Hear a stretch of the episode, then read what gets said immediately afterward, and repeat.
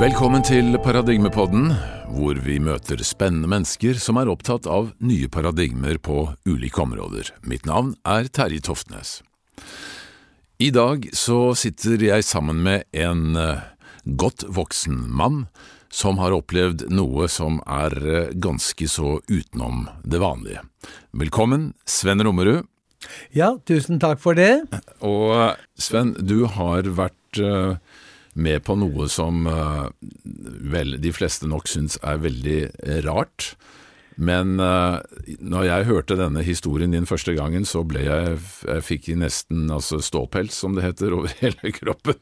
Så jeg må nesten spørre om Uh, om du vil fortelle om dette her. Men aller først, kan du ikke bare si litt om deg selv? Hvem, uh, altså Litt om din bakgrunn og, og hvem du er? Ja, det er ikke så mye å si kanskje, men sånn rent av utdannelse så er jeg siviløkonom, og jeg har også tilleggsutdannelse i internasjonal juss. Ja. Uh, og det var det. Uh, Og ellers så har jeg vært forretningsmann mesteparten av mitt liv. Og bygget opp et ganske stort firma uh, rundt omkring i verden.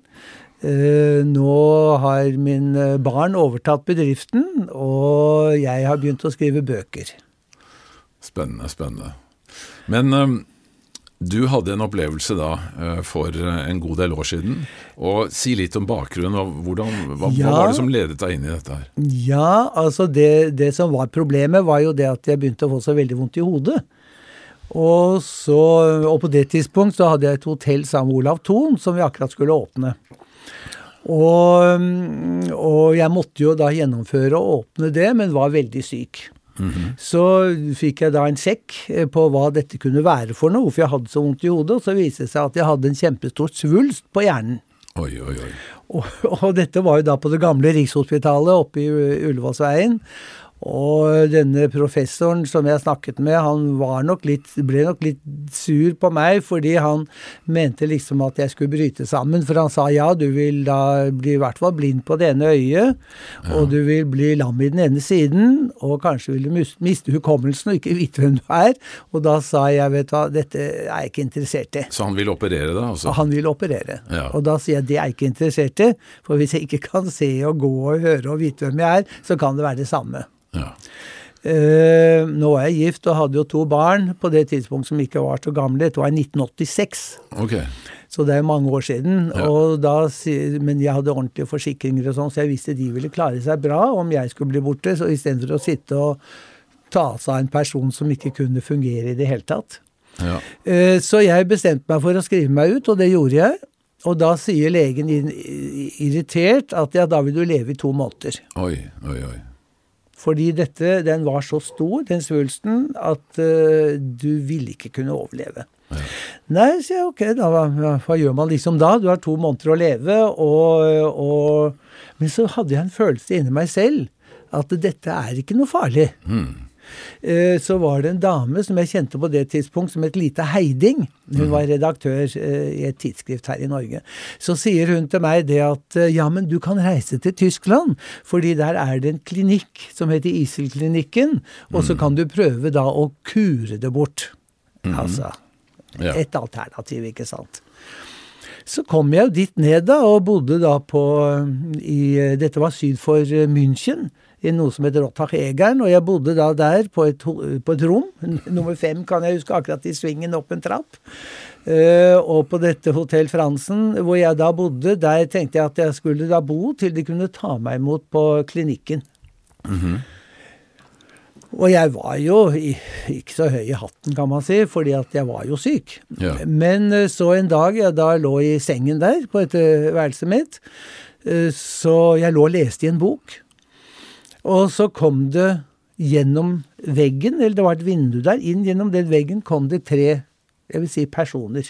I all verden. Altså gjennom veggen. Gjennom veggen? Ja. Ja, Jeg kom gjennom der. Og så sto de foran sengen min her, og jeg lå her, og jeg kan huske jeg kløp meg først i det ene benet, tenkte nå har du blitt ordentlig syk. I det ene benet, og så i armen, og tenkte nei, altså du, du er jo helt, det er jo, du, de står jo der. Men du så de som fysiske personer? Jeg så de som fysiske personer. Og så sier de til meg at eh, Hvordan så de ut? Ja, altså, de så jo veldig menneskelignende ut, da. De gjorde det? Ja, det gjorde de. Og så sier de da til meg det at øh, Bli med oss. Og så sier jeg ja. Jeg øh, Ja. Jeg var ikke redd et øyeblikk og sa ja. Men så husker ikke jeg hvordan jeg kom ut ifra rommet, men jeg husker at jeg våknet, og da lå jeg på et sånt litt stort bord av um, kaldt stål eller noe sånt, for det var iskaldt å ligge der, for jeg var helt naken. Ikke at det gjør noe, men det var jeg, lå jeg der. Og så var det mange mennesker, digert rom, og så var det mange mennesker som gikk rundt, eller personvesener som gikk rundt der og ordnet opp. Og så kom disse to øh, menneskelignende igjen, sikkert ikke for å skremme meg, går jeg ut ifra, opp til meg og sier at du skal ha på deg denne hvite, denne her, det var rett og slett en sånn hvit uh, kjortel, eller hva skal man si. Ja. Og så var det en på den siden, en mann, og en dame oppfattet jeg på den siden. Og de, altså. de så fremdeles men, De så fremdeles ut som mennesker. Litt annerledes i ansiktet og sånn, men eh, ikke noe som skremte Men meg Hadde de hår og klær? De hadde klær på seg, også sånne hvite drakter. Her, sånne hvite. Ja. Og så gikk vi da inn gjennom en sånn kjempestor dør, eh, inn i et nytt rom. Og der var det et langt bord eh, bakover, hvor det satt vesener, må jeg nesten bruke det ordet, eh, som ikke lignet på mennesker. Noen var til og med som reptiler. Oi. Å se på i ansiktet og sånt noe. Og, ellers med, og noen var av de der små grå som vi har satt, eh, sett. De satt liksom litt øverst sånn ved bordet Ja, der. sånne små som de kaller for grace, Ja, med, sånne, grace, ja, ja. sånne mandeløyne. og- De var der, men det var også da mange andre typer som jeg aldri har hørt om at noen har sett. Og, men for enden av det bordet, og jeg blir ført opp ved siden av han, der satt det en høy person. En, et menneskelignende uh, mann, mann Ja. uh, som, um, som bare var veldig stor. Ja. Og, og han uh, sier til meg det at ja, du er velkommen her, vi har noe vi skal spørre deg om. Ja. Og dette var mens jeg var på det eh, rommet da, eh, og ventet på å komme inn på Iselklinikken. Altså, bare, bare bryta, Du følte ikke at dette var noe drøm? Nei, nei, det var derfor jeg kløp meg i armer og ben. Ja. Det var, nei, det var slett ingen drøm. Nei, dette var absolutt realistisk. Men Hvordan så det rommet ut ellers innvendig? Altså, Du sier det var et stort bord? Ja, det, det var et langt bord, og langs det bordet satt uh, vesener på begge sider av bordet. Ja. Og, eh, Mange? Mange. Ja. Mange. Og forskjellige. Og jeg skal fortelle hva, hvorfor det var mange og forskjellige, for det fortalte han meg. Ja. Eh, Men når vi da så sier han jeg har noe å spørre om, og, og det var om jeg kunne tenke meg å arbeide for ren mat og rent vann på jorden, pluss å hjelpe til med å rense eh, menneskene psykisk så godt jeg kunne. ja. Og det sa jeg ja til med en gang. Men så sier jeg dette har ikke jeg noe greie på. Jeg vet ikke hvordan jeg skal få frem noe ren mat, og jeg vet ikke noe om dette her. Nei. Nei da, som de sa, men det Ikke tenk på det. Men så sier han, men før vi nå går videre, så skal jeg vise deg Så var det en sånn en skjerm på veggen. Ja. Så skal jeg vise deg hvordan utviklingen på jorden har vært. Fra første stund og frem til i dag. Ja. Og det syns jeg var litt interessant, eh, fordi at jeg har hatt en opplevelse tidligere hvor jeg så hvordan livet eh, ble gitt til vannet. Ok.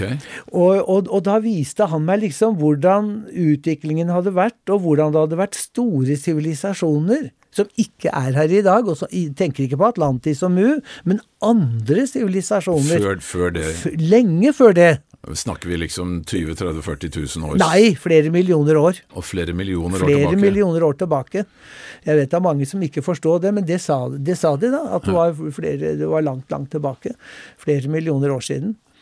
Og det var også snakk om eh, hvordan det hadde vært i USA, eller i Amerika f.eks., og Syd-Amerika og sånne ting. Men eh, prehistoric. Ja. Og det var veldig mm, Ja, det var veldig interessant og sånn. Men så sier han det at eh, da har vi notert oss nå at du vil hjelpe oss. Men så spør jeg, men hva, hvorfor er dere her? Og så sier han til meg det at jo, vi er her for å vurdere denne sivilisasjons fremtid. Oi. Og, og vi har hatt avstemning om det, og det var eh, flertallet vil at vi skulle gi dere Dette var 1986. Vil at dere skal få litt mer tid.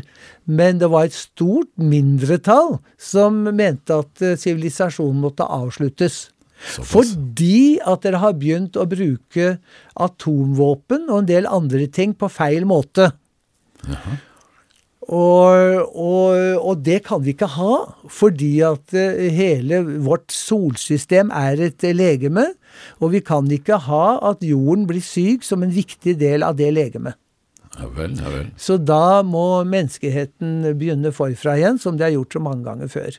Ok, så, Men altså atomvåpen ville da være helt uh, katastrofalt da, for hele systemet, ikke bare på jorda? Nei, de mente at det ville være katastrofalt, og at det var noe vi misbrukte, den kraften. Men sa de noe om, om de ville motsette seg bruken av atomvåpen Nei. hvis vi skulle finne på å prøve å bruke det Nei. igjen? Nei. Det, nei. Nei. Det var ikke noe sånn diskusjon. Og i det hele tatt, det var bare det at om jeg ville gjøre den jobben jeg påtok meg, og så at det da hadde vært en sånn avstemning. Akkurat. Det var i grunnen det jeg opplevde der oppe i den digre ufo. Ja. Det var ikke like, den var kjempestor. Men du, Så du fikk følelsen at du var inne i et skip, altså? Et Ja, nei, det var jeg helt sikker på Ja. at jeg var. Så det var Jeg hadde den følelsen når jeg så ikke noe utefra eller noe sånt, men det var jeg. Okay. Så, så det var veldig spesielt og spennende. Men eh, så begynner no, eh, noe annet morsomt i denne Ja. historien. Fordi at jeg eh, opp, Så var jeg tilbake i sengen. Bare sånn vops? Vops, tilbake i sengen. Etter at jeg hadde stått der, så var jeg tilbake i sengen. Ja. Og så sier eh, Og så ringer en, en telefon til meg dagen etter. Fra sykehuset. Jaha. Som jeg jo ikke hadde vært i kontakt med. De visste jo ikke at jeg var i, i Bayern, de. Altså det er et annet sykehus? Et stort sykehus. Ikke, eh, ikke den klinikken? Nei, ikke den klinikken, men et sykehus. Ok. Ringte eh, det store sykehuset i, fra det store sykehuset i, i eh, München. Uh, Maximilian sykehus, tror jeg det heter. Og så sier de til meg du vet hva, du, nå kan du kan komme inn i dag. Jaha. Fordi vi, det er plass til deg. Ja, ja det, det, er, det er i orden. Og vi har også ordnet med at det kommer en, en, en kirurg fra, tysk kirurg fra USA som skal operere deg. Ja, verden. Ja, jeg reiste inn på sykehuset, jeg. Og ble lagt inn på sykehuset. De, Men, men hadde de sagt når du var oppe i ufoen at eh, de ja, kunne de hjelpe deg med det? de sa de skulle ordne alt. De skulle hjelpe meg. For du eh, forklarte de- at Ja, det- nei, det visste de alt om. Ja Eh, det var vel derfor de tok meg opp, tenker jeg. For de visste at Så jeg kunne velge. For da skulle jeg få leve. Mm. Hvis jeg ville, så kunne jeg leve. Men hvis ikke, så kunne jeg velge hva jeg ville. Men da ville jeg sannsynligvis dø. Ja. Og det er jo helt greit. Jeg har aldri vært redd for å dø. Men, men så kom jeg altså på sykehuset, Ja. og så kom denne legen eh, og opererte meg. Og jeg kan huske jeg våknet om morgenen, og så etter operasjonen og så tenkte jeg vet du, kan jeg, jeg kan, jeg kan se med begge øynene. Ja, jeg kan bruke begge armene og bena. og ja, Vet jeg hvem jeg er? Jo, jeg er født. Jo, jeg vet jo hvem jeg er. Jeg vet, eh, vet hvor mye 50 og 50 er. Jeg er faktisk helt normal. ja. Og du vet hva, jeg hadde ikke Jeg har ikke hatt et, et eneste men Utrolig. av det.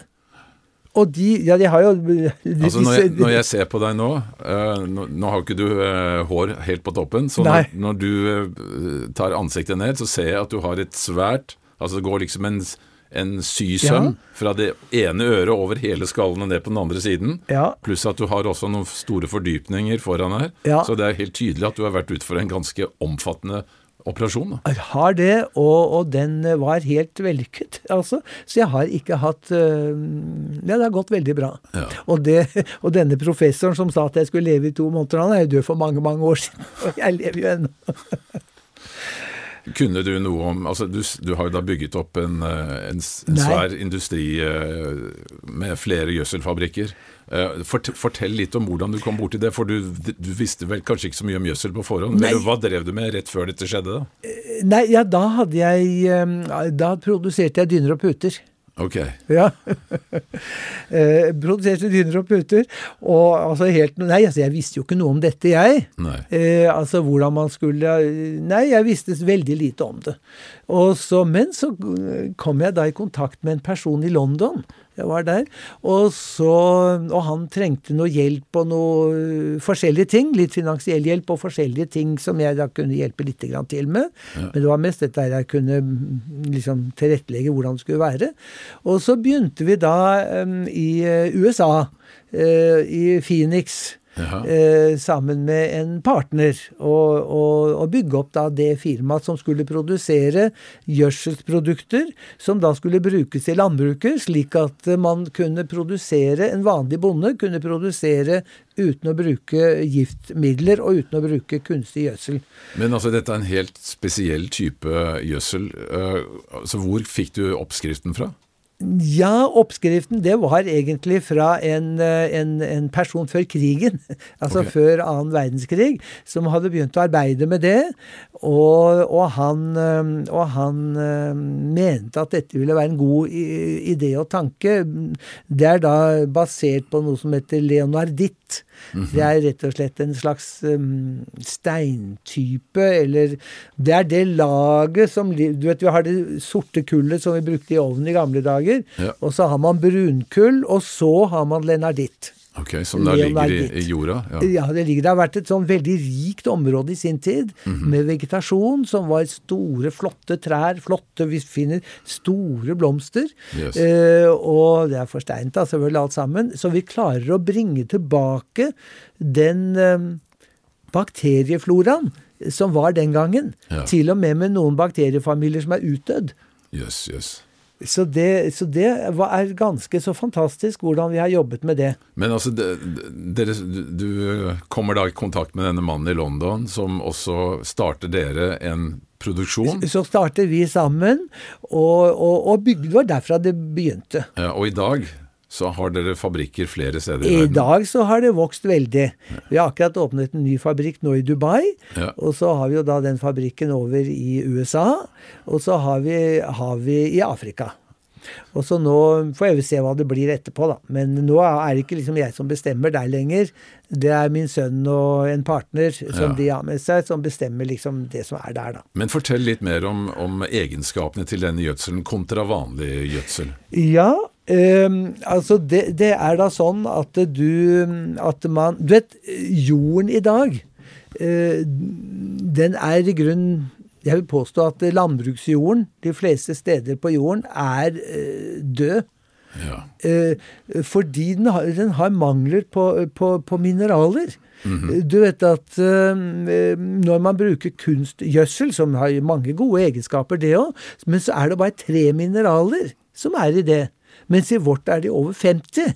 Så ja. du vet, jorden den sier Og plantene blir jo så sterke i seg selv. For plantene de klarer å forsvare seg selv. Hvis man bare lar immunforsvaret deres bli så sterkt at de får lov til å gjøre det.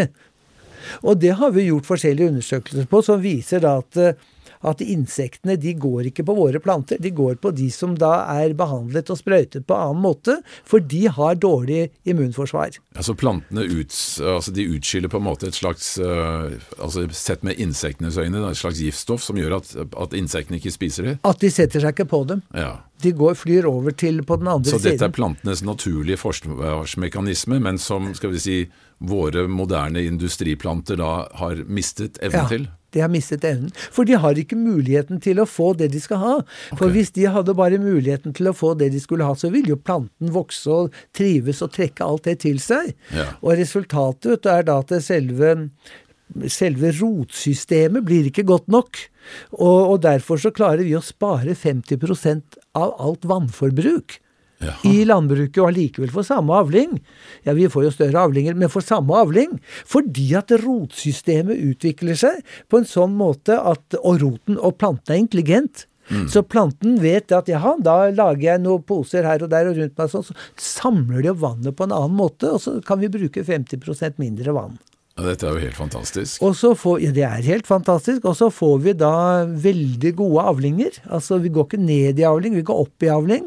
Eh, og når man da tenker på hvor, hvor, hvor, stort problem det er med tørke rundt omkring Det er jo tørke nå svært mange steder, her i Europa òg. Mm. I Italia og, og, Spania og Frankrike, Sør-Tyskland også, så er det jo vært så veldig tørt ja. i de siste årene. Så avlingene har gått tilbake. Mm. Og det kan vi da gjøre noe med.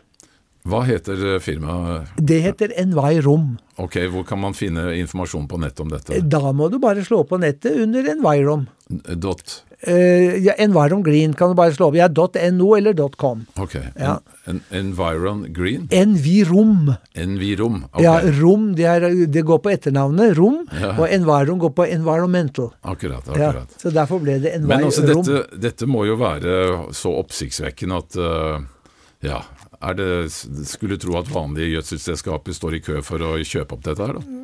Ja, det gjør vel kanskje òg det.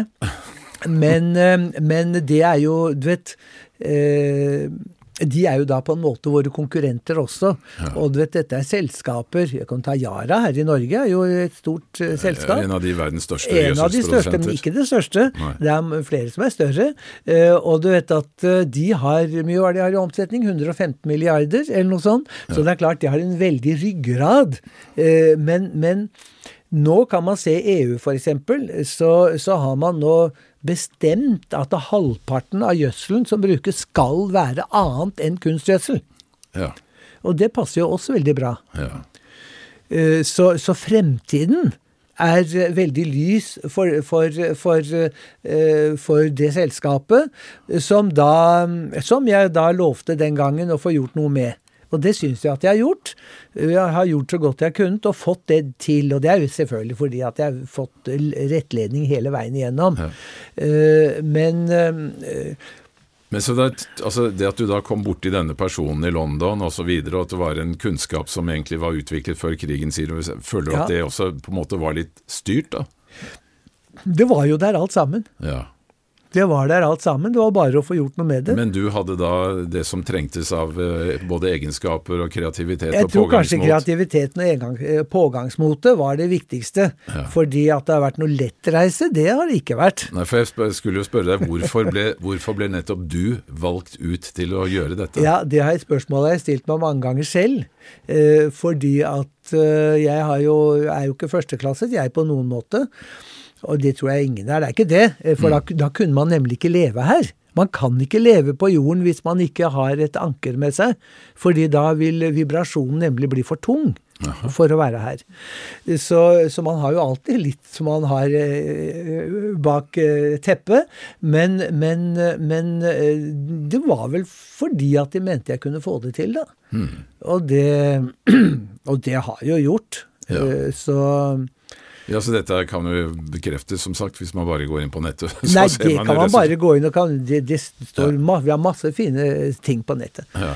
Så, det er, så det er eh, slik det er, og det er i grunnen sånn det blir bygget opp, da. Ja, Men altså nå i dag så er jo du en mann som Du har passert dine 70? Ja da, jeg blir jo 78 nå.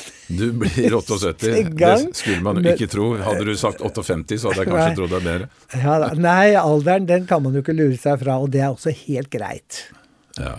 Men du, eh, bare litt tilbake igjen til, eh, til, det som du opplevde da oppe i, i dette skipet. Ja. Eh, du, du, sa du satt i dette rommet med det store bordet. Ja. Altså, jeg er bare sånn nysgjerrig. Satt folk på stoler der, eller hva, hva? Du, jeg oppfattet at de satt på stoler. Ja.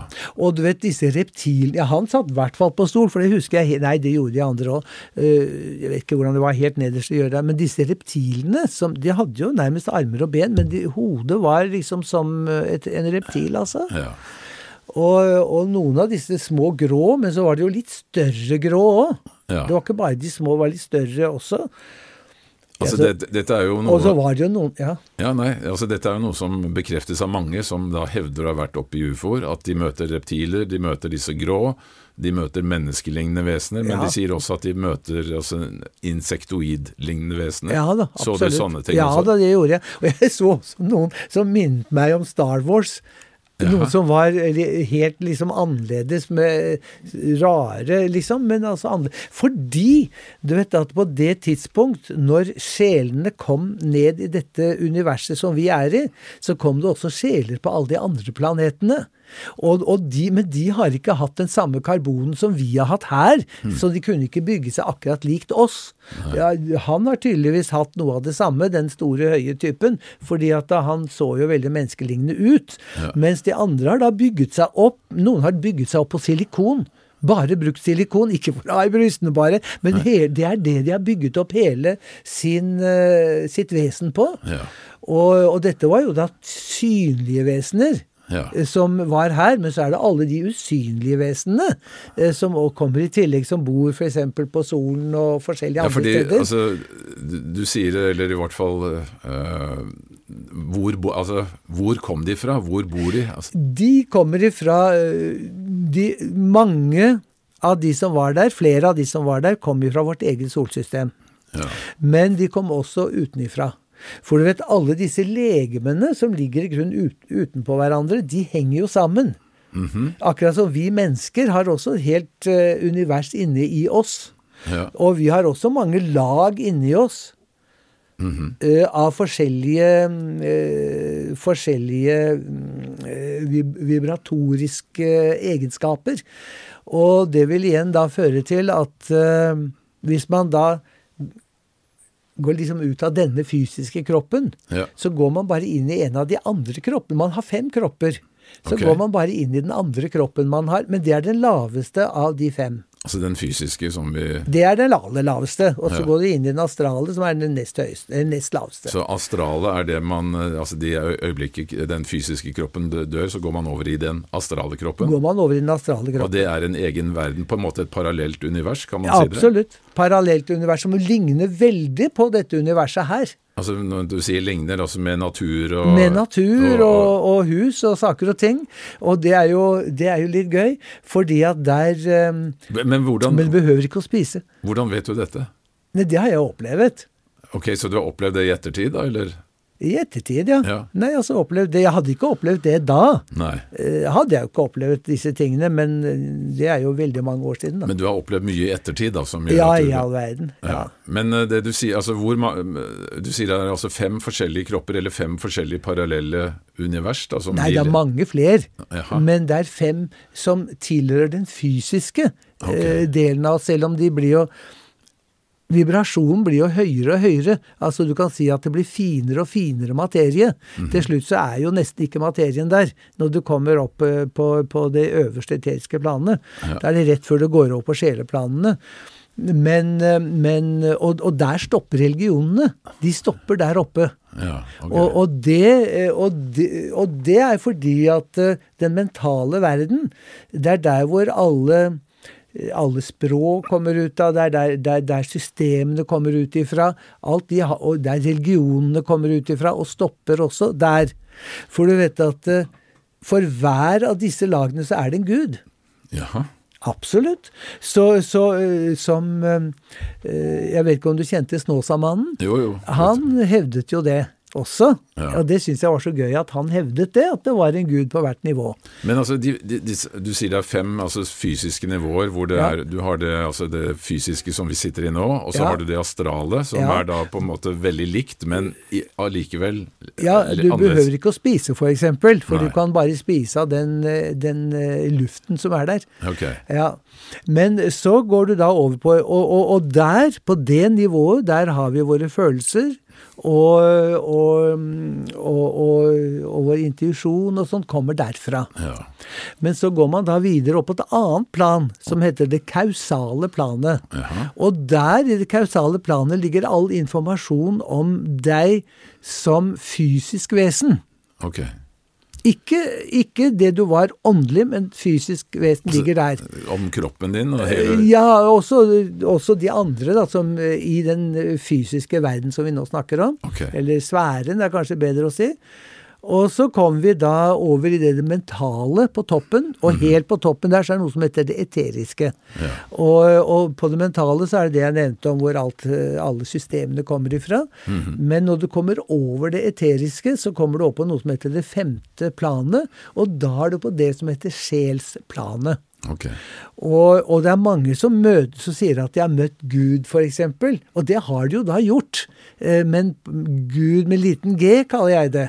For det ligger jo en kjempestor bakenforliggende kraft. Ja. Som man kan kalle hva man vil. Gud, eller hva man måtte ønske å kalle det.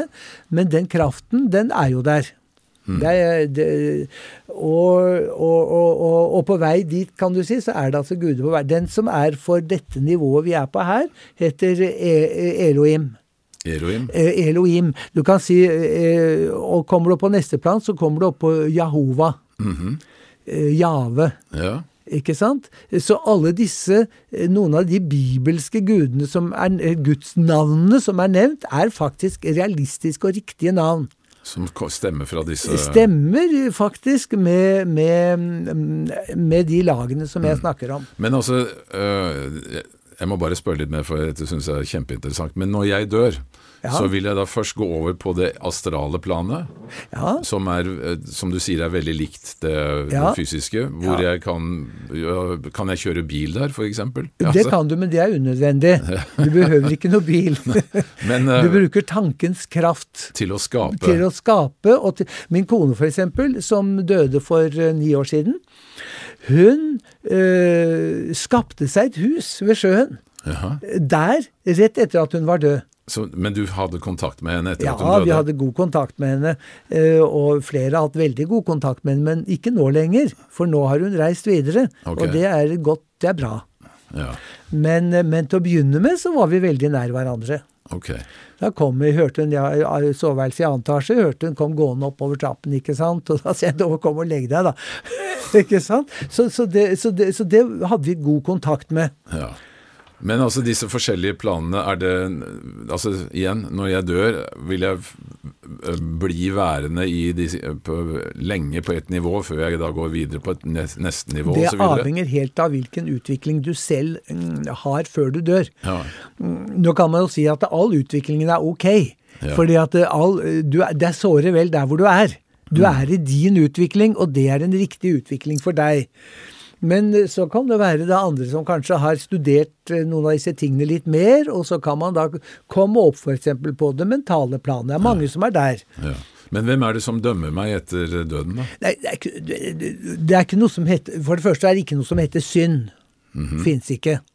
Det, kan- du kan, for, skal vi ta den med nå, syns du? Ja, gjerne det. Ja, gjerne. du kan kanskje det- bare dele det altså, jeg, allikevel. jeg tenker, ja, men jeg vil gjerne snakke litt om det, altså det sjelelige konseptet, da, for å kalle Ja, det ja, ja. Eh, jo, altså rett etter at du er død, altså, så vil du da se at kroppen din ligger der. Ja. Og så vil man se at det går energier ut av den kroppen. Mhm. Og de, den energien danner da den nye kroppen, som er da din astrale kropp. Ja. Og da eh, kommer du da Da kan du eh, Det er blant en dame, for eksempel, som, som, eh, som jeg kjenner til, som hadde bodd på et pensjonat i mange år. Hun trodde hun bodde på pensjonat fremdeles, hun hadde ikke oppdaget at hun var død. Og hun bare syntes maten ble dårligere etter hvert, men hun skapte da sin, eget, sin egen tilværelse i den hun hadde i det øyeblikket hun døde. Ok. Og for der, der er det veldig viktig å bruke tankens kraft på, på det astrale planet. fordi da kan man egentlig skape ting, og med hjelp av tankens kraft kan man også komme videre selv opp på det mentale planet. Ja. Eh, først det kausale, da. Og det mm, eh, Men det er ingen som dømmer deg.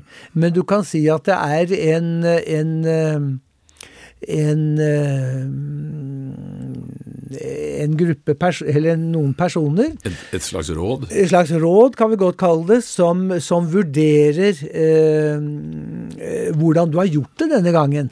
Ja. Eh, fordi at før man blir født, så har man en målsetning om hva man ønsker å oppnå.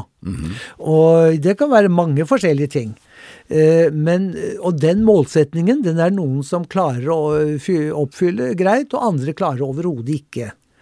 Og, og, så, og, og da kom vi inn i det som heter karma og reinkarnasjon. For det tror jo jeg på begge deler.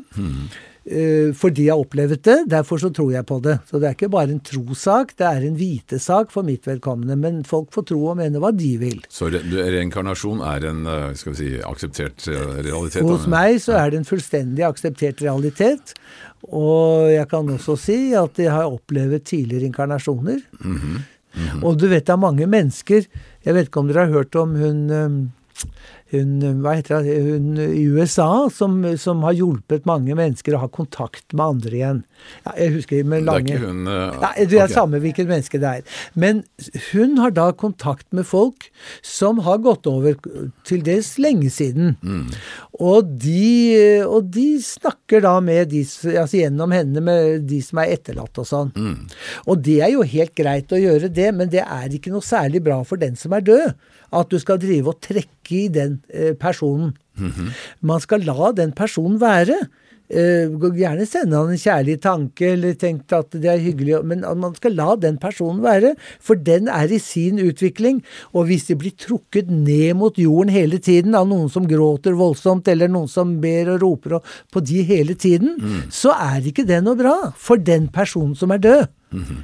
Fordi den må, skal være der og utvikle seg videre, og forhåpentligvis kanskje kunne komme til andre plan før gjenfødelse på jorden. Ja. Alt er utvikling, og utvikling er bevissthet. Ja. Og bevissthet er sjel. Mm. Og sjelen er udødelig. Og den eksisterer fordi Gud elsker den. Men vi har jo dette øh, altså Det er jo mange som hevder at det er ånder som henger igjen. altså Vi hadde jo dette TV-programmet til og med Åndenes makt, ikke sant? Jo, jo. Som, som, fortalte om sjeler som da ikke hadde kommet videre. Ja, frak fraksjoner av sjeler. Ja, ja fraksjoner av sjeler. Ja. Uh, er, tror du det er sånn det funker? At det er noen som blir hengende igjen? Ja, absolutt. Ja, de, de er døde. Men sånn som jeg fortalte om hun på pensjonatet for litt øyeblikk, et øyeblikk siden, og sånn er det også med noen mennesker som henger veldig i f.eks. en bedrift da, eller en bondegård eller noe som man har brent for hele tiden og sånn, så forlater de ikke det. Nei. Det er derfor Marcello Haugen, som dere kanskje har hørt om, ja, ja. sa at man skal ikke eie en hel masse når man dør. Man skal ikke være bundet til det som man da besitter. Og du vet, man kan godt eie en ting, det er ikke noe i veien å godt være rik, men rikdommen og eiendelen må ikke beherske deg. Mm. Du må beherske dem. Da er det ålreit. Mm. Og, og, det er de da som ikke klarer å løsrive seg. Det kan være også på grunn av en veldig urettferdighet eh, som man da liksom ikke klarer å slippe. Mm. Eller folk som ble drept, drept i konsentrasjonsleirene i Tyskland. Mm -hmm. Der kjenner jeg en, en, del mennesker, grupper, som reiser rundt fra sted til sted og løsgjør folk som har frosset fast i frykt. Oi. De er døde, men de har frosset fast i frykt. Jaha. Og ligger da og svever akkurat der i frykt, og det trekker vibrasjonene ned mm. Eh, for hele menneskeheten. Så derfor er det fint å få hjulpet de opp, så de kan bli fri og komme videre. Ja. Så det er også en stor oppgave, faktisk. Men du, eh, tilbake til eh, Altså, du møtte jo da dette rådet da oppe i dette fartøyet, ikke sant? Jo. Og så eh, fortalte de deg at de hadde vurdert å rett og slett avslutte den menneskelige sivilisasjonen ja. fordi at vi er i ferd med å ødelegge jorda. Var ja, det det? Av forurensning. Av forurensning. Men det var jo da hovedsakelig dette med atomproblematikken, ja. men også på grunn av den forurensningen som vi hadde, ikke minst i oss selv selv. Jaha. Som det var viktig å få gjort noe med. Ja. Men, men du, du, så jo da altså denne historikken på TV-skjermen. Ja. Betyr det at det har vært men, altså, hvor har menneskeheten eksistert i flere millioner år? Altså, ja, litt forskjellig fra det vi er i dag. Ja. Fordi vi utvikler oss jo, og vi er litt forskjellige. Mm. Eh, men, men, i vår oppfattelse av ting Du kan si at bevisstheten vår den utvikler seg, selv om vi kanskje ser noenlunde likt ut ja. gjennom mange, mange uh, tusen år. Mm. Men det forandrer seg likevel. i forhold til et høyere nivå som vibrasjonene er på. Men altså, det har, det har da vært kulturer på jorden tidligere, med så avanserte kulturer? Avanserte kulturer. Langt mer avanserte enn vi er, på mange måter. Ja. Men så har det da vært minus på andre sider, som har gjort at man da ikke kunne fortsette den sivilisasjonen, som Atlantis f.eks., som jo er en av de siste sivilisasjonene som har gått til grunne, av de store. Hvor, hvor lå Atlantis? Den lå i Atlanterhavet. Men, men Atlantis, ja det skal vi vel snakke litt om kanskje etterpå, men Ja. Atlantis det sank da i tre forskjellige perioder. Jaha. Det det var jo 100 000 år gammelt. Den sivilisasjonen når den sank, når Poseidon det siste sank, okay. eh, for ca. 12 000 år siden. Eh, så Det var samtidig som vi fikk eh, smeltningen av isen på en eh, Ja, det skjedde mye der, for det skjedde opp jo, altså det skjedde store forandringer i jordskorpen. Ja. Eh, altså det som var over vann og under vann, og, og Norge kom opp blant annet, og som hadde delvis vært under is og, Ja. og vann. Så det skjedde da eh, mange ting i forbindelse med det som, eh, som forandret hele eh, det geologiske Mm. bildet på det tidspunktet. Men er det, kan vi finne fremdeles i dag rester etter disse sivilisasjonene? Ja, altså det tror jeg man kan. Fordi jeg har um, ikke sett det selv, men jeg har lest en, eh, en, om en, eh, en eh, oppdager, en professor Brown, vet ikke om dere har hørt om han, eh, som da dykket i Bermudatriangelet Ja. og fant da en, en pyramide der som var intakt. Mm. Og han øh, Hvordan han kom inn der og sånn, husker ikke han heller, akkurat som jeg når jeg kom opp i det skipet. Men han husker ikke hvordan han kom inn, men han kom inn, og der så han da øh, hvordan den, disse krystallene, hvordan tingene var inni pyramiden. Og da fant han en, en pyramide, krystall, øh, hvor det var uendelig antall pyramider når man så i den. Yes. Og den har man da eh, dokumentert eh, senere at den er ikke, men, den, den er ikke, den- den er ikke laget. Den finnes i dag på Finnes i dag på et museum, et av de, tror det store museet i, London, i USA. I I New New York? York. i New York? I New York okay. ja. Nei, og der kan man gå og se det. Jeg har også hørt at den kjente det franske dykkeren Jacques Cousteau Ja også oppdaget eh, bygninger og kirker eh, under, altså utenfor Bimi-øynene, som da ligger altså i bermuda Ja da, der var det der, altså den, Atlantis til å begynne med var et veldig stort land. eh, som gikk liksom helt langt nedover mot Spania og la helt opp til USA. Ja. Og var et stort land. Men så sa, begynte det å synke, da. I tre perioder. Og, og den andre perioden hvor, de, hvor, hvor de sank, det, er, det har jeg funnet ut at det er samme tid som pyramiden i Bosnia ble Ja. bygget I Visoko. i Visoko, for der var det en kjempestor by den gangen. Høyt utviklet by. Og det tror jeg var folk som kom fra Atlantis. Ragnhild og jeg har jo vært der. Ja da, ja. Og, og og, så traff han altså, han Osman Agish, Samir, Ja, ja, Semir ja, ja. Osman Agish. Ja da, ja. Og var eh, sammen med han i flere dager for å undersøke de pyramidene, også på foredrag der nede. ja. Det var jo kjempespennende. Du, du kjenner han? Jeg kjenner han personlig, ja da. Men det er veldig spennende. Jeg har hatt noen grupper nedover, faktisk. Du har det, Ja. ja.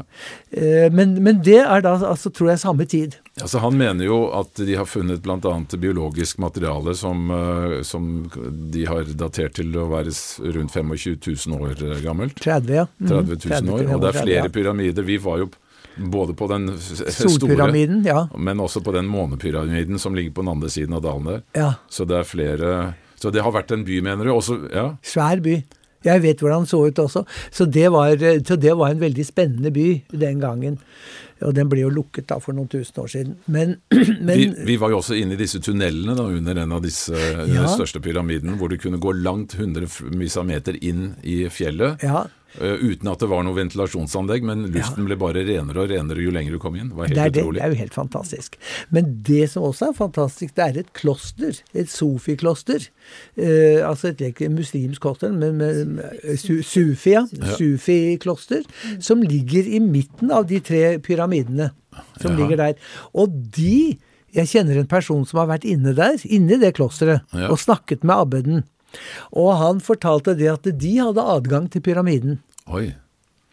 Og han sa de visste også hvordan de kunne aktivisere pyramiden. Ja. Hvordan kunne aktivere pyramiden, heter det vel kanskje. Altså For den produserte da elektrisitet, gjorde den det? Eller et magnetfelt? Det, det sa de ikke noe om, men den produserer magnetfelt, og jeg tror kanskje det er en portal også. Men det vet jeg ikke nok om.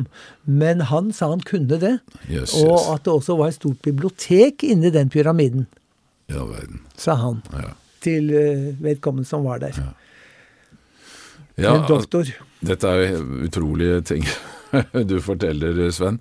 Men uh, igjen uh, uh, Det som jeg Eller vi, så, så, som vi har lurt på og diskutert opp og ned av vegger, dette med at det finnes så mye lidelse på denne jorda. Altså dette med Nå har vi jo to. Mhm. forferdelige kriger som pågår eh, i øyeblikket. Det vil si vi har mange flere, men det er i hvert fall to store som får all oppmerksomhet. Ja. Altså, Hvorfor skjer dette? Hvorfor er det, hvorfor er det sånn? Kan du si noe? Vet ja, du om det? absolutt. Det henger sammen med eh, reinkarnasjon. Jaha. Fordi at vi mennesker, vi har Eller vår sjel, kan du si, Ja. ikler seg denne kroppen eh, fordi at vi skal lære noe, få erfaringer på denne jorden. Så dette er et lærested, på en Det måte? er et lærested på godt og vondt. Og alle de negative tingene som skjer, det skjer for a reason. Ja. Eh, og, og du vet at når jeg sier til folk noen ganger, og det mener jeg virkelig, at alt er rettferdig. Alt er rettferdig. Men du vet, da må du se det i reinkarnasjonens øh, tegn. For hvis du ikke gjør det, så virker jo alt forferdelig urettferdig. Ja. Men tenk hvis det ikke var reinkarnasjon, hvor urettferdig det da ville ha vært. ja, det kan du si. Men selv om det er sånn det skal være, så betyr ikke at man skal være like glad i forhold til det. Og hvis man da kan klare å hjelpe noen, øh, og, så de har et litt bedre liv kanskje, eller på en litt bedre måte, så er, gjør man det av øh, medmenneskelighet. Men den personen må leve gjennom problemene sine. Og det er faktisk helt vesentlig at man lar folk få leve gjennom de problemene de har. Og, og, folk, som, og, og folk som da har kanskje tatt livet av noen en annen gang, de blir tatt livet av. Og, og de som har vært, eh, vært eh, misbrukere av barn, de blir misbrukt selv. Det, altså, det er fordi at det må være en balanse i tingene. Hvis tingene ikke er i balanse, så er, det, så er det noe som skurrer, og så må da den sjelen arbeide for å komme opp i balanse.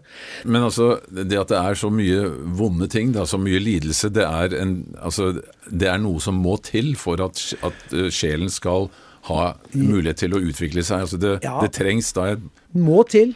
eh, både godt og vondt for å, Ja. å skape en dynamikk, da, for å si det Ja, sånn. og det er gjennom de problemene vi har i livet, alle de humpene og alle de stenene som du finner i veien, det er av det beste. Men det er vanskelig akkurat når det pågår. Men når den problemstillingen har kanskje gått over, og du er på et annet nivå, så skjønner du hvorfor du hadde den utfordringen. Det er rett og slett fordi du skal lære noe vesentlig. Men er det sånn at vi eh, på en måte har bestilt disse utfordringene, tror du? Og i aller høyeste grad. Vi har det. Eh, jeg vil litt tilbake til dette med eh, Atlantis, for du Når jeg snakket med deg tidligere en gang, så sa du at du faktisk husker at du har levd der. Ja, absolutt. Og Kan du fortelle oss litt mer hvordan, altså hva slags sted var det, hvordan så Ja, det ut, hva, hva ja. gjorde de som levde der? Ja. Hvor mange var det som levde der, osv.? Det var ikke så veldig mange mennesker eh, mange? som levde. Når Atlantis eh, sank, så var det vel ca. 60 millioner mennesker som døde. Ok, Ja, Men det er jo ikke mange når man tenker på et svært eh, Kontinent. kontinent. Så, det, så de, var, de, var ikke så mange. Og de bodde også på en annen måte. Vi bodde, kan du si, mer i et slags fellesskap. Mhm. eh, hvor man eh, Ja, hvor man da tok vare på hverandre og eh, var forskjellige fellesskap. Men det som var det store problemet på Atlantis, det var det at vi hadde begynt med genmanipulering av, av vesener. Kommet mye lenger enn det man har gjort i dag, da kan du si, for nå kan man jo også genmanipulere en, en gris, eller en, kanskje et menneske også, vil jeg tro. Ja. Eh, Men, men de skapte da forskjellige grupper vesener som f.eks. skulle arbeide med matproduksjon, som da var lavere, og noen som skulle arbeide med noe annet, som var lavere. Og, og, og det, de, man skapte, kan du si, en, en, en, en tilværelse eh, som ikke lot de sjelene få lov til å utvikle seg som de skulle. Okay. Og dessuten så skapte, skapte det man også vesener eh, Du vet disse med kentaurene og alle de forskjellige vesenene med vinger og alt mulig sånt. Med dyrehoder. Med altså. dyrehoder, altså. Menneskekropp med dyrehoder Ja, og da, og, fuglehoder. ja, alt det der, det klarte man også å, å lage. ja. Men så kom man da på, på kollisjonskurs med Og man hadde jo ufoer. ja. Og, de, de og man hadde undervannsbåter.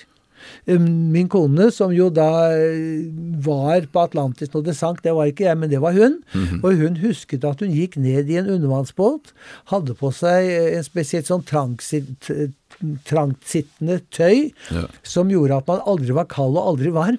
Ok. Eh, og så reiste de da, Ja. i en undervannsbåt. Men eh, sånn at eh, de kunne kontrollere gravitasjon, da, tydeligvis? Det kunne de, de kunne veldig Ja, og, og man hadde også en viss eh, En viss eh, mye ja, Man hadde direkte kontakt med de utenomjordiske. Ok. eh, på en helt annen måte enn vi har. De hadde direkte kontakt. Mhm. og, og det var jo noe som liksom var normalt. Det var noe som han oppfattet som normalt, at det var en ufo som kom, eller noen som kom med en eller annen informasjon. Men, men det tekniske utviklet seg jo veldig. Men det som var noe av problemstillingen, var det at man begynte å bruke magi. Mm -hmm. Du vet, magien er ekte. ja, Mag- når du sier magi, hva tenker du på da? Tenker på det at man prøver da å påvirke forskjellige ting i sin spesielle I den retningen hvor man ønsker at tingene skal påvirkes. Sånn, ja. Nettopp. Ja. Og da er det en formel, ikke sant? Og den formelen kan man ha et, et eh, positivt tegn foran eller et minustegn foran. Så kan man bruke den formelen som man selv ønsker men bruker man den negativt, så pådrar man seg selv negativ karma. Og, og det var det da veldig mange som gjorde der. De prøvde å beherske andre mennesker også med den eh, magiske påvirkningen. Og det var jeg blant annet veldig imot. Ja vel. Og det ble da dannet en, en gruppe som motarbeidet eh, disse magikerne som brukte black magic. Mhm. Black, hvor snakker man engelsk? Altså sort magi. Mm. Ja, og, og det er Og det, det kom da til kollisjon mellom de to. Og så var det en kjempestor um, atomeksplosjon. Og så sank landet. Siste delen av landet. Og, de var laget på den altså eh, Hovedstaden, eksempel. Det var en, nydelig Et palass, kan du si, men hvor det var sjøer rundt. Jaha. Hvor det var forskjellige sjøer rundt, liksom, så man gikk fra den ene sjøen til den andre, symboliserende de forskjellige lagene eh, som, som ligger eh, i oss mennesker. Akkurat. Så de hadde en helt annen innsikt da, i hele det sjelelige og i hele skal vi si, virkelighetens eh, natur, for å si det på den måten? De hadde en annen innsikt enn enn det vi har, på mange måter, og, men misbrukte det. Men, eh, men altså, det må jo ha vært noen som har overlevd, da, siden eh, menneskerasen fortsatte å, å, å eksistere. Ja da, det, alle mennesker døde jo ikke da. Nei. Selv om Atlantis gikk nedenom og hjem, så var det jo mange som kom seg unna. Og det må jo ha vært andre kulturer på andre steder i jorden? Ja, i altså. aller høyeste grad. Ja. I Sør-Amerika f.eks., og også i Asia, Ja. eh, var det jo andre kulturer. Og, og det var også folk som ikke hadde hørt om tekniske ting i det hele tatt, akkurat som det er i dag. Ja. Eh, Vi er jo ganske høyt utviklet, men det er jo mange, eller noen, da, eh, i indianerstammer eh, forskjellige steder, som Som- ikke vet om noen ting. Som ser på fly, flyene på himmelen som guder? Som ja. guder og noe merkelig noe. Sant. Så, men sånn var det den gang òg. Men, Men du, pyramidene i Egypt, var de fra den tiden, eller er de Ja, nei, jeg mener da at de pyramidene alle altså På Giza-platået, da, Ja. er det jo tre store pyramider, eller to store og en liten. Ja. Det er for øvrig et, et, eh, et eh, prinsipp som er vist gjennom de tre pyramidene. Det er det Mandi-prinsippet, som er Keos-pyramiden, okay. som er rød, eh, og, og den kvinnelige er hvit. Man skulle kanskje tro det var motsatt, men den kvinnelige er hvit. Kefren-pyramiden. Og så har de sønnen som er, som, som eh, er hvit ved siden av. Fordi de Nei, nå rotet jeg. Altså, den, den mannlige var hvit, Ja. den kvinnelige rød, og så den um, Mykenos-pyramiden er hvit. Ja, fordi jeg har hørt at den største pyramiden opprinnelig var eh, kledd med kalkstein, altså hvit kalkstein. Det var den, det er riktig. Eh, Men at det er blitt fjernet fordi det er blitt brukt som byggematerialer i Ja, Kairo, blant Og det har jeg faktisk sett i en vegg Ja. eh, på Kairo, i et gammelt, eh, gamle byen der oppe, eh, ved det blå moskeen. Ja. Der er det da noen, noen hus som har de hvor man kan se eh, hieroglyfene. Yes, yes, ok. Så du som er fra Jeg som har sett at det er brukt, brukt akkurat som man på, Mm. i, på Akershus festning kan se rester etter eh, ting fra, fra katedralen, eh, Ja, ikke, sant, sant. som ble revet Men, der i men, gamle Oslo. men når, når blir det disse pyramidene bygget, da? Jeg tror det blir bygget akkurat rett før Atlantis sank siste gang, for man visste jo Atlantis skulle synke. Altså, de som var eh, De innvidde visste det. og, og derfor så ble, var det da en gruppe ingeniører og, ark og arkitekter eh, som bygget de tre pyramidene. For å vise det metafysiske prinsippet, eh, men også for å kunne bevare viten eh, som da var i, på Atlantis. Okay. Og, og du vet, de jobbet veldig mye med krystaller.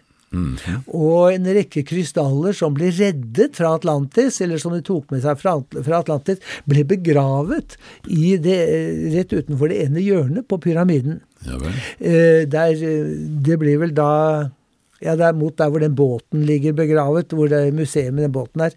Og, og hvis du prøver å ta bilde der, prøv det neste gang dere er i Egypt, så vil dere ikke få noe på filmen. Sier du det? Utrolig.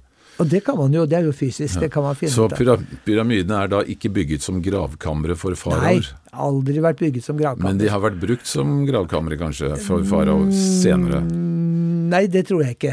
Nei, så det For det ble jo aldri begravd, de har aldri funnet noen mumier der. Nei.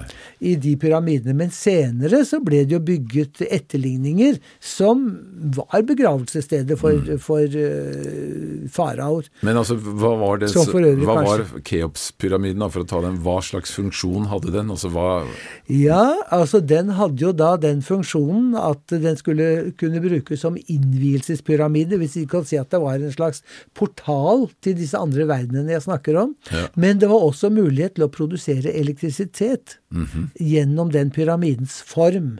Okay. For det er formen som forårsaker ja. den, eh, den strømmen. Og, og man kan da påvirke Jeg var inne i pyramiden en gang sammen med en venn. Og da hadde det vært en lang tørkeperiode i Egypt. Og så sier jeg til han at du vet hva, nå, nå synger vi noen av disse spesielle intoneringene som gjør at det skal begynne å regne.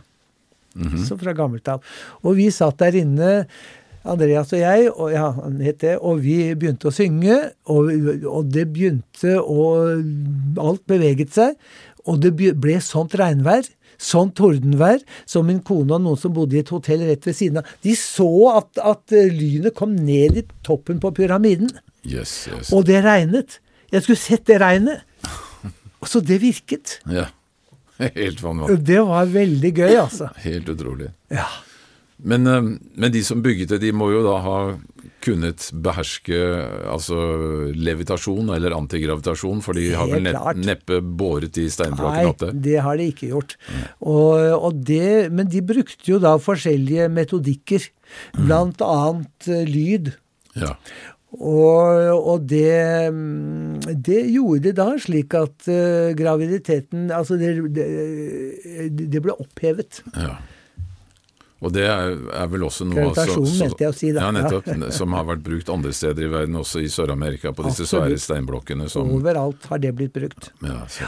Og det er jo flott om man kunne finne ut av hvordan det skal Så gjøres. det er jo egentlig et potensial som vi eh, I og med at noen da tydeligvis har holdt på med det før, så må det jo finnes eh, kunnskap om det på Det eh, fins kunnskap om Ja, du vet at uh, hvis man går hvis man kommer inn i den astrale verden, Mm. så vil man da se Kan du tenke deg at man kan komme til et museum mm -hmm. hvor alt det som har vært skapt, og som skal skapes, finnes. Oi.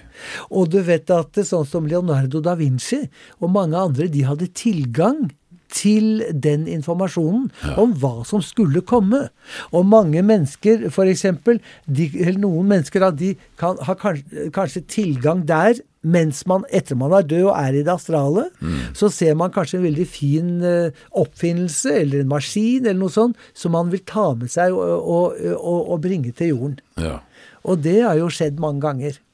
Og da kan man bestemme seg for det selv. Man det, på jorden så kaller man det for intuisjon, mens det da egentlig er eh, Det er informasjon som de har tatt med seg fra tidligere eh, liv, eller ifra mm. den tilværelsen før man blir født tilbake på jorden. Fordi at eh, vi, vi skal, er lever her på jorden fordi det er en, en skole vi skal lære eh, hele pensumet til. Og, og det vil si at vi blir gjenfødt. Jeg har vært der veldig mange ganger. Og, og det har de aller, aller fleste. Folk snakker kanskje om ett liv eller to, så har de kanskje hatt tusenvis. ja.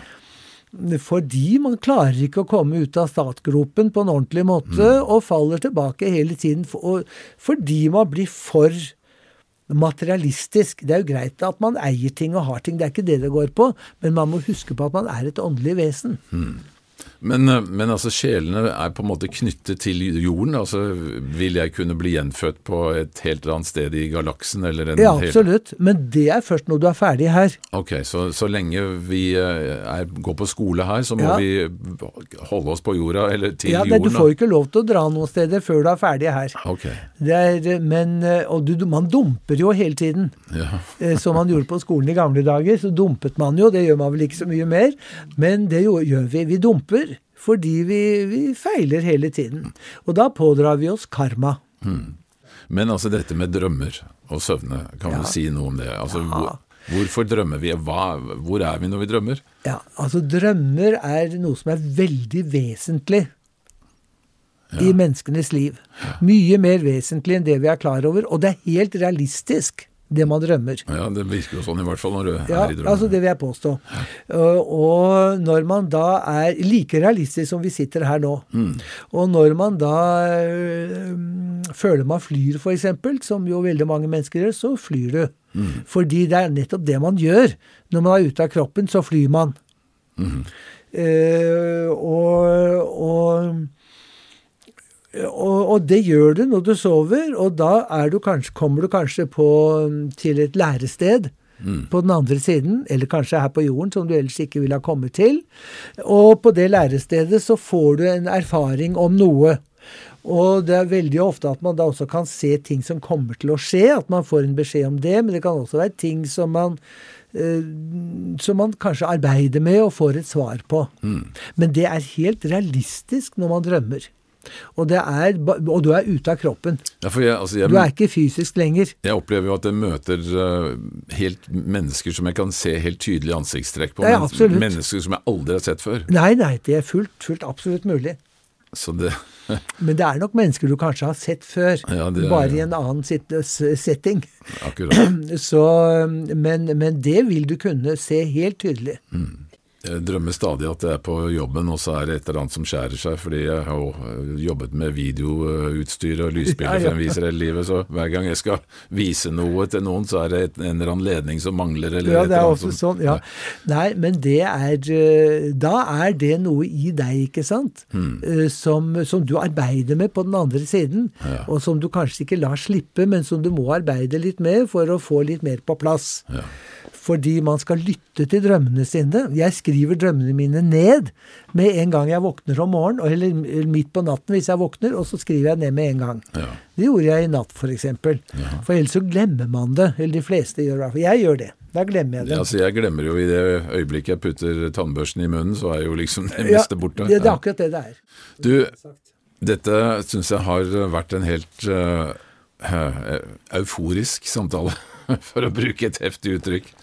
Fantastisk. Og du er jo et uh, oppkomme av uh, innsikt og, og, kunnskap om dette her, så det jeg må bare, ja, jeg blir jo helt målløs.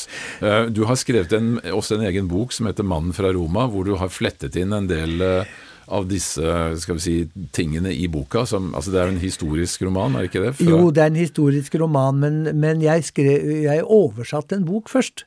Eh, som var veldig mm, esoterisk. Mm -hmm. Som jeg utga da for et par år siden. Og, og, den la jeg merke til. Den ble bare, bare folk som var interessert i esoteriske forhold var interessert i den. Ja. Så derfor tenkte jeg å prøve å lure de inn i en slags roman. Ja. Og så skrev jeg da den, som jeg godt kunne ha gjort litt forskjellig med. Men den 'Mannen fra Roma' den kan man jo nå få kjøpt i Men det er historisk roman fra, fra, som uh... Som er fra det tolvte århundre, 1280 mm. frem til 1319. Mm. Og det er veldig mye som handler da fra Nesodden, ja. og om min egen uh, familiebondegård, etterbondegård.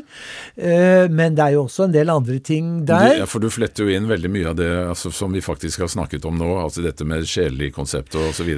Det er hele hensikten med ja, boken. Jeg syns også vi møtte Dante, altså den italienske ja, Han poeten. var jo her i Norge. Han var det? Var her i Norge en kort stund, men, men kongen ville ikke la han være her.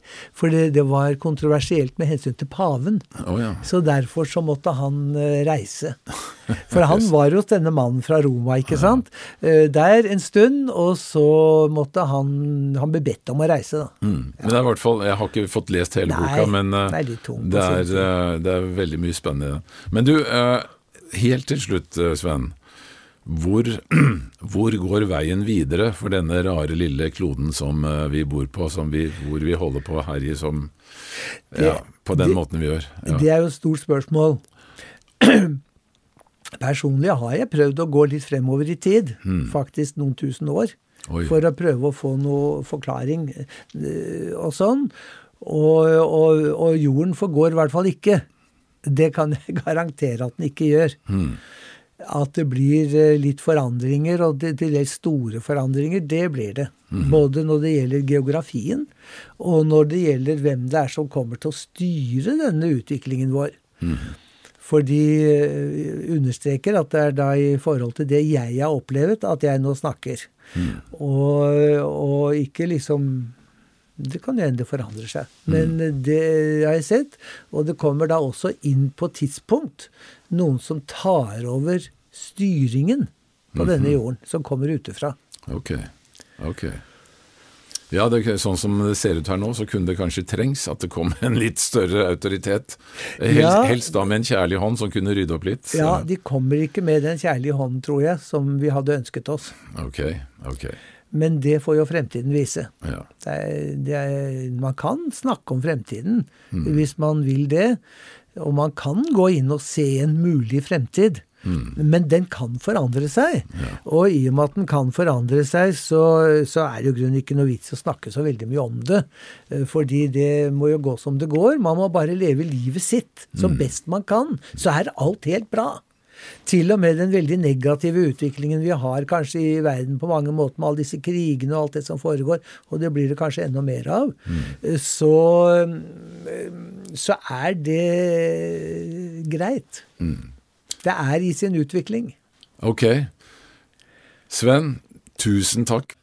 Dette var utrolig fascinerende, og eh, jeg må bare få ønske deg lykke til videre med dine prosjekter. med både gjødsel, og jeg vet jo også at du har andre ting i ermet som du jobber videre med, som har med å få renset både, ikke bare jord, men også vann. Det er riktig. Og, eh, så du har helt tydeligvis en uh, veldig stor misjon. Og eh, i hvert fall sånn som jeg kan se på deg nå på den andre sida av bordet, selv om du sier du runder 78, så tror jeg du har ganske mange år igjen her. Så du, du, du slipper ikke unna enda. Tusen takk, Sven. Selv takk. Jeg syns det var veldig hyggelig å få snakke litt om det, og det er altså da mine synspunkter. Hmm. Ja, tusen takk til eh, Sven Romerud for at han delte denne utrolige historien med oss. Og for at han eh, er modig nok til å fortelle om disse tingene, som eh, selvfølgelig er på mange måter av en annen verden, men allikevel utrolig fascinerende å få et innblikk i. Så får selvfølgelig enhver gjøre seg opp sin egen mening om hva man vil mene om disse tingene. Jeg syns i hvert fall det er uh, fryktelig moro å kunne snakke med folk som uh, tør snakke om dette på denne måten. Så jeg håper dere har lyttet med et uh, åpent sinn. Vel, før vi avslutter, så vil jeg igjen få minne om vårt vips nummer som er 524 005 524 005. Eh, for de som ønsker å støtte oss videre. Nå har det vært et problem med det vips nummeret nå i det, helt siden nyttår, faktisk, eh, på grunn av en feil i eh, systemet. Så det blir antagelig ikke aktivt før altså mandag 22. januar, men etter det så, så er dette nummeret da mulig å, å vippse til for de som vil være med og støtte oss videre, som sagt. Ok, uh, det kommer nye spennende episoder av Paradigmepodden, så følg med, følg med. Eh, og jeg sier da bare tusen takk for meg. Vi høres igjen om en ukes tid.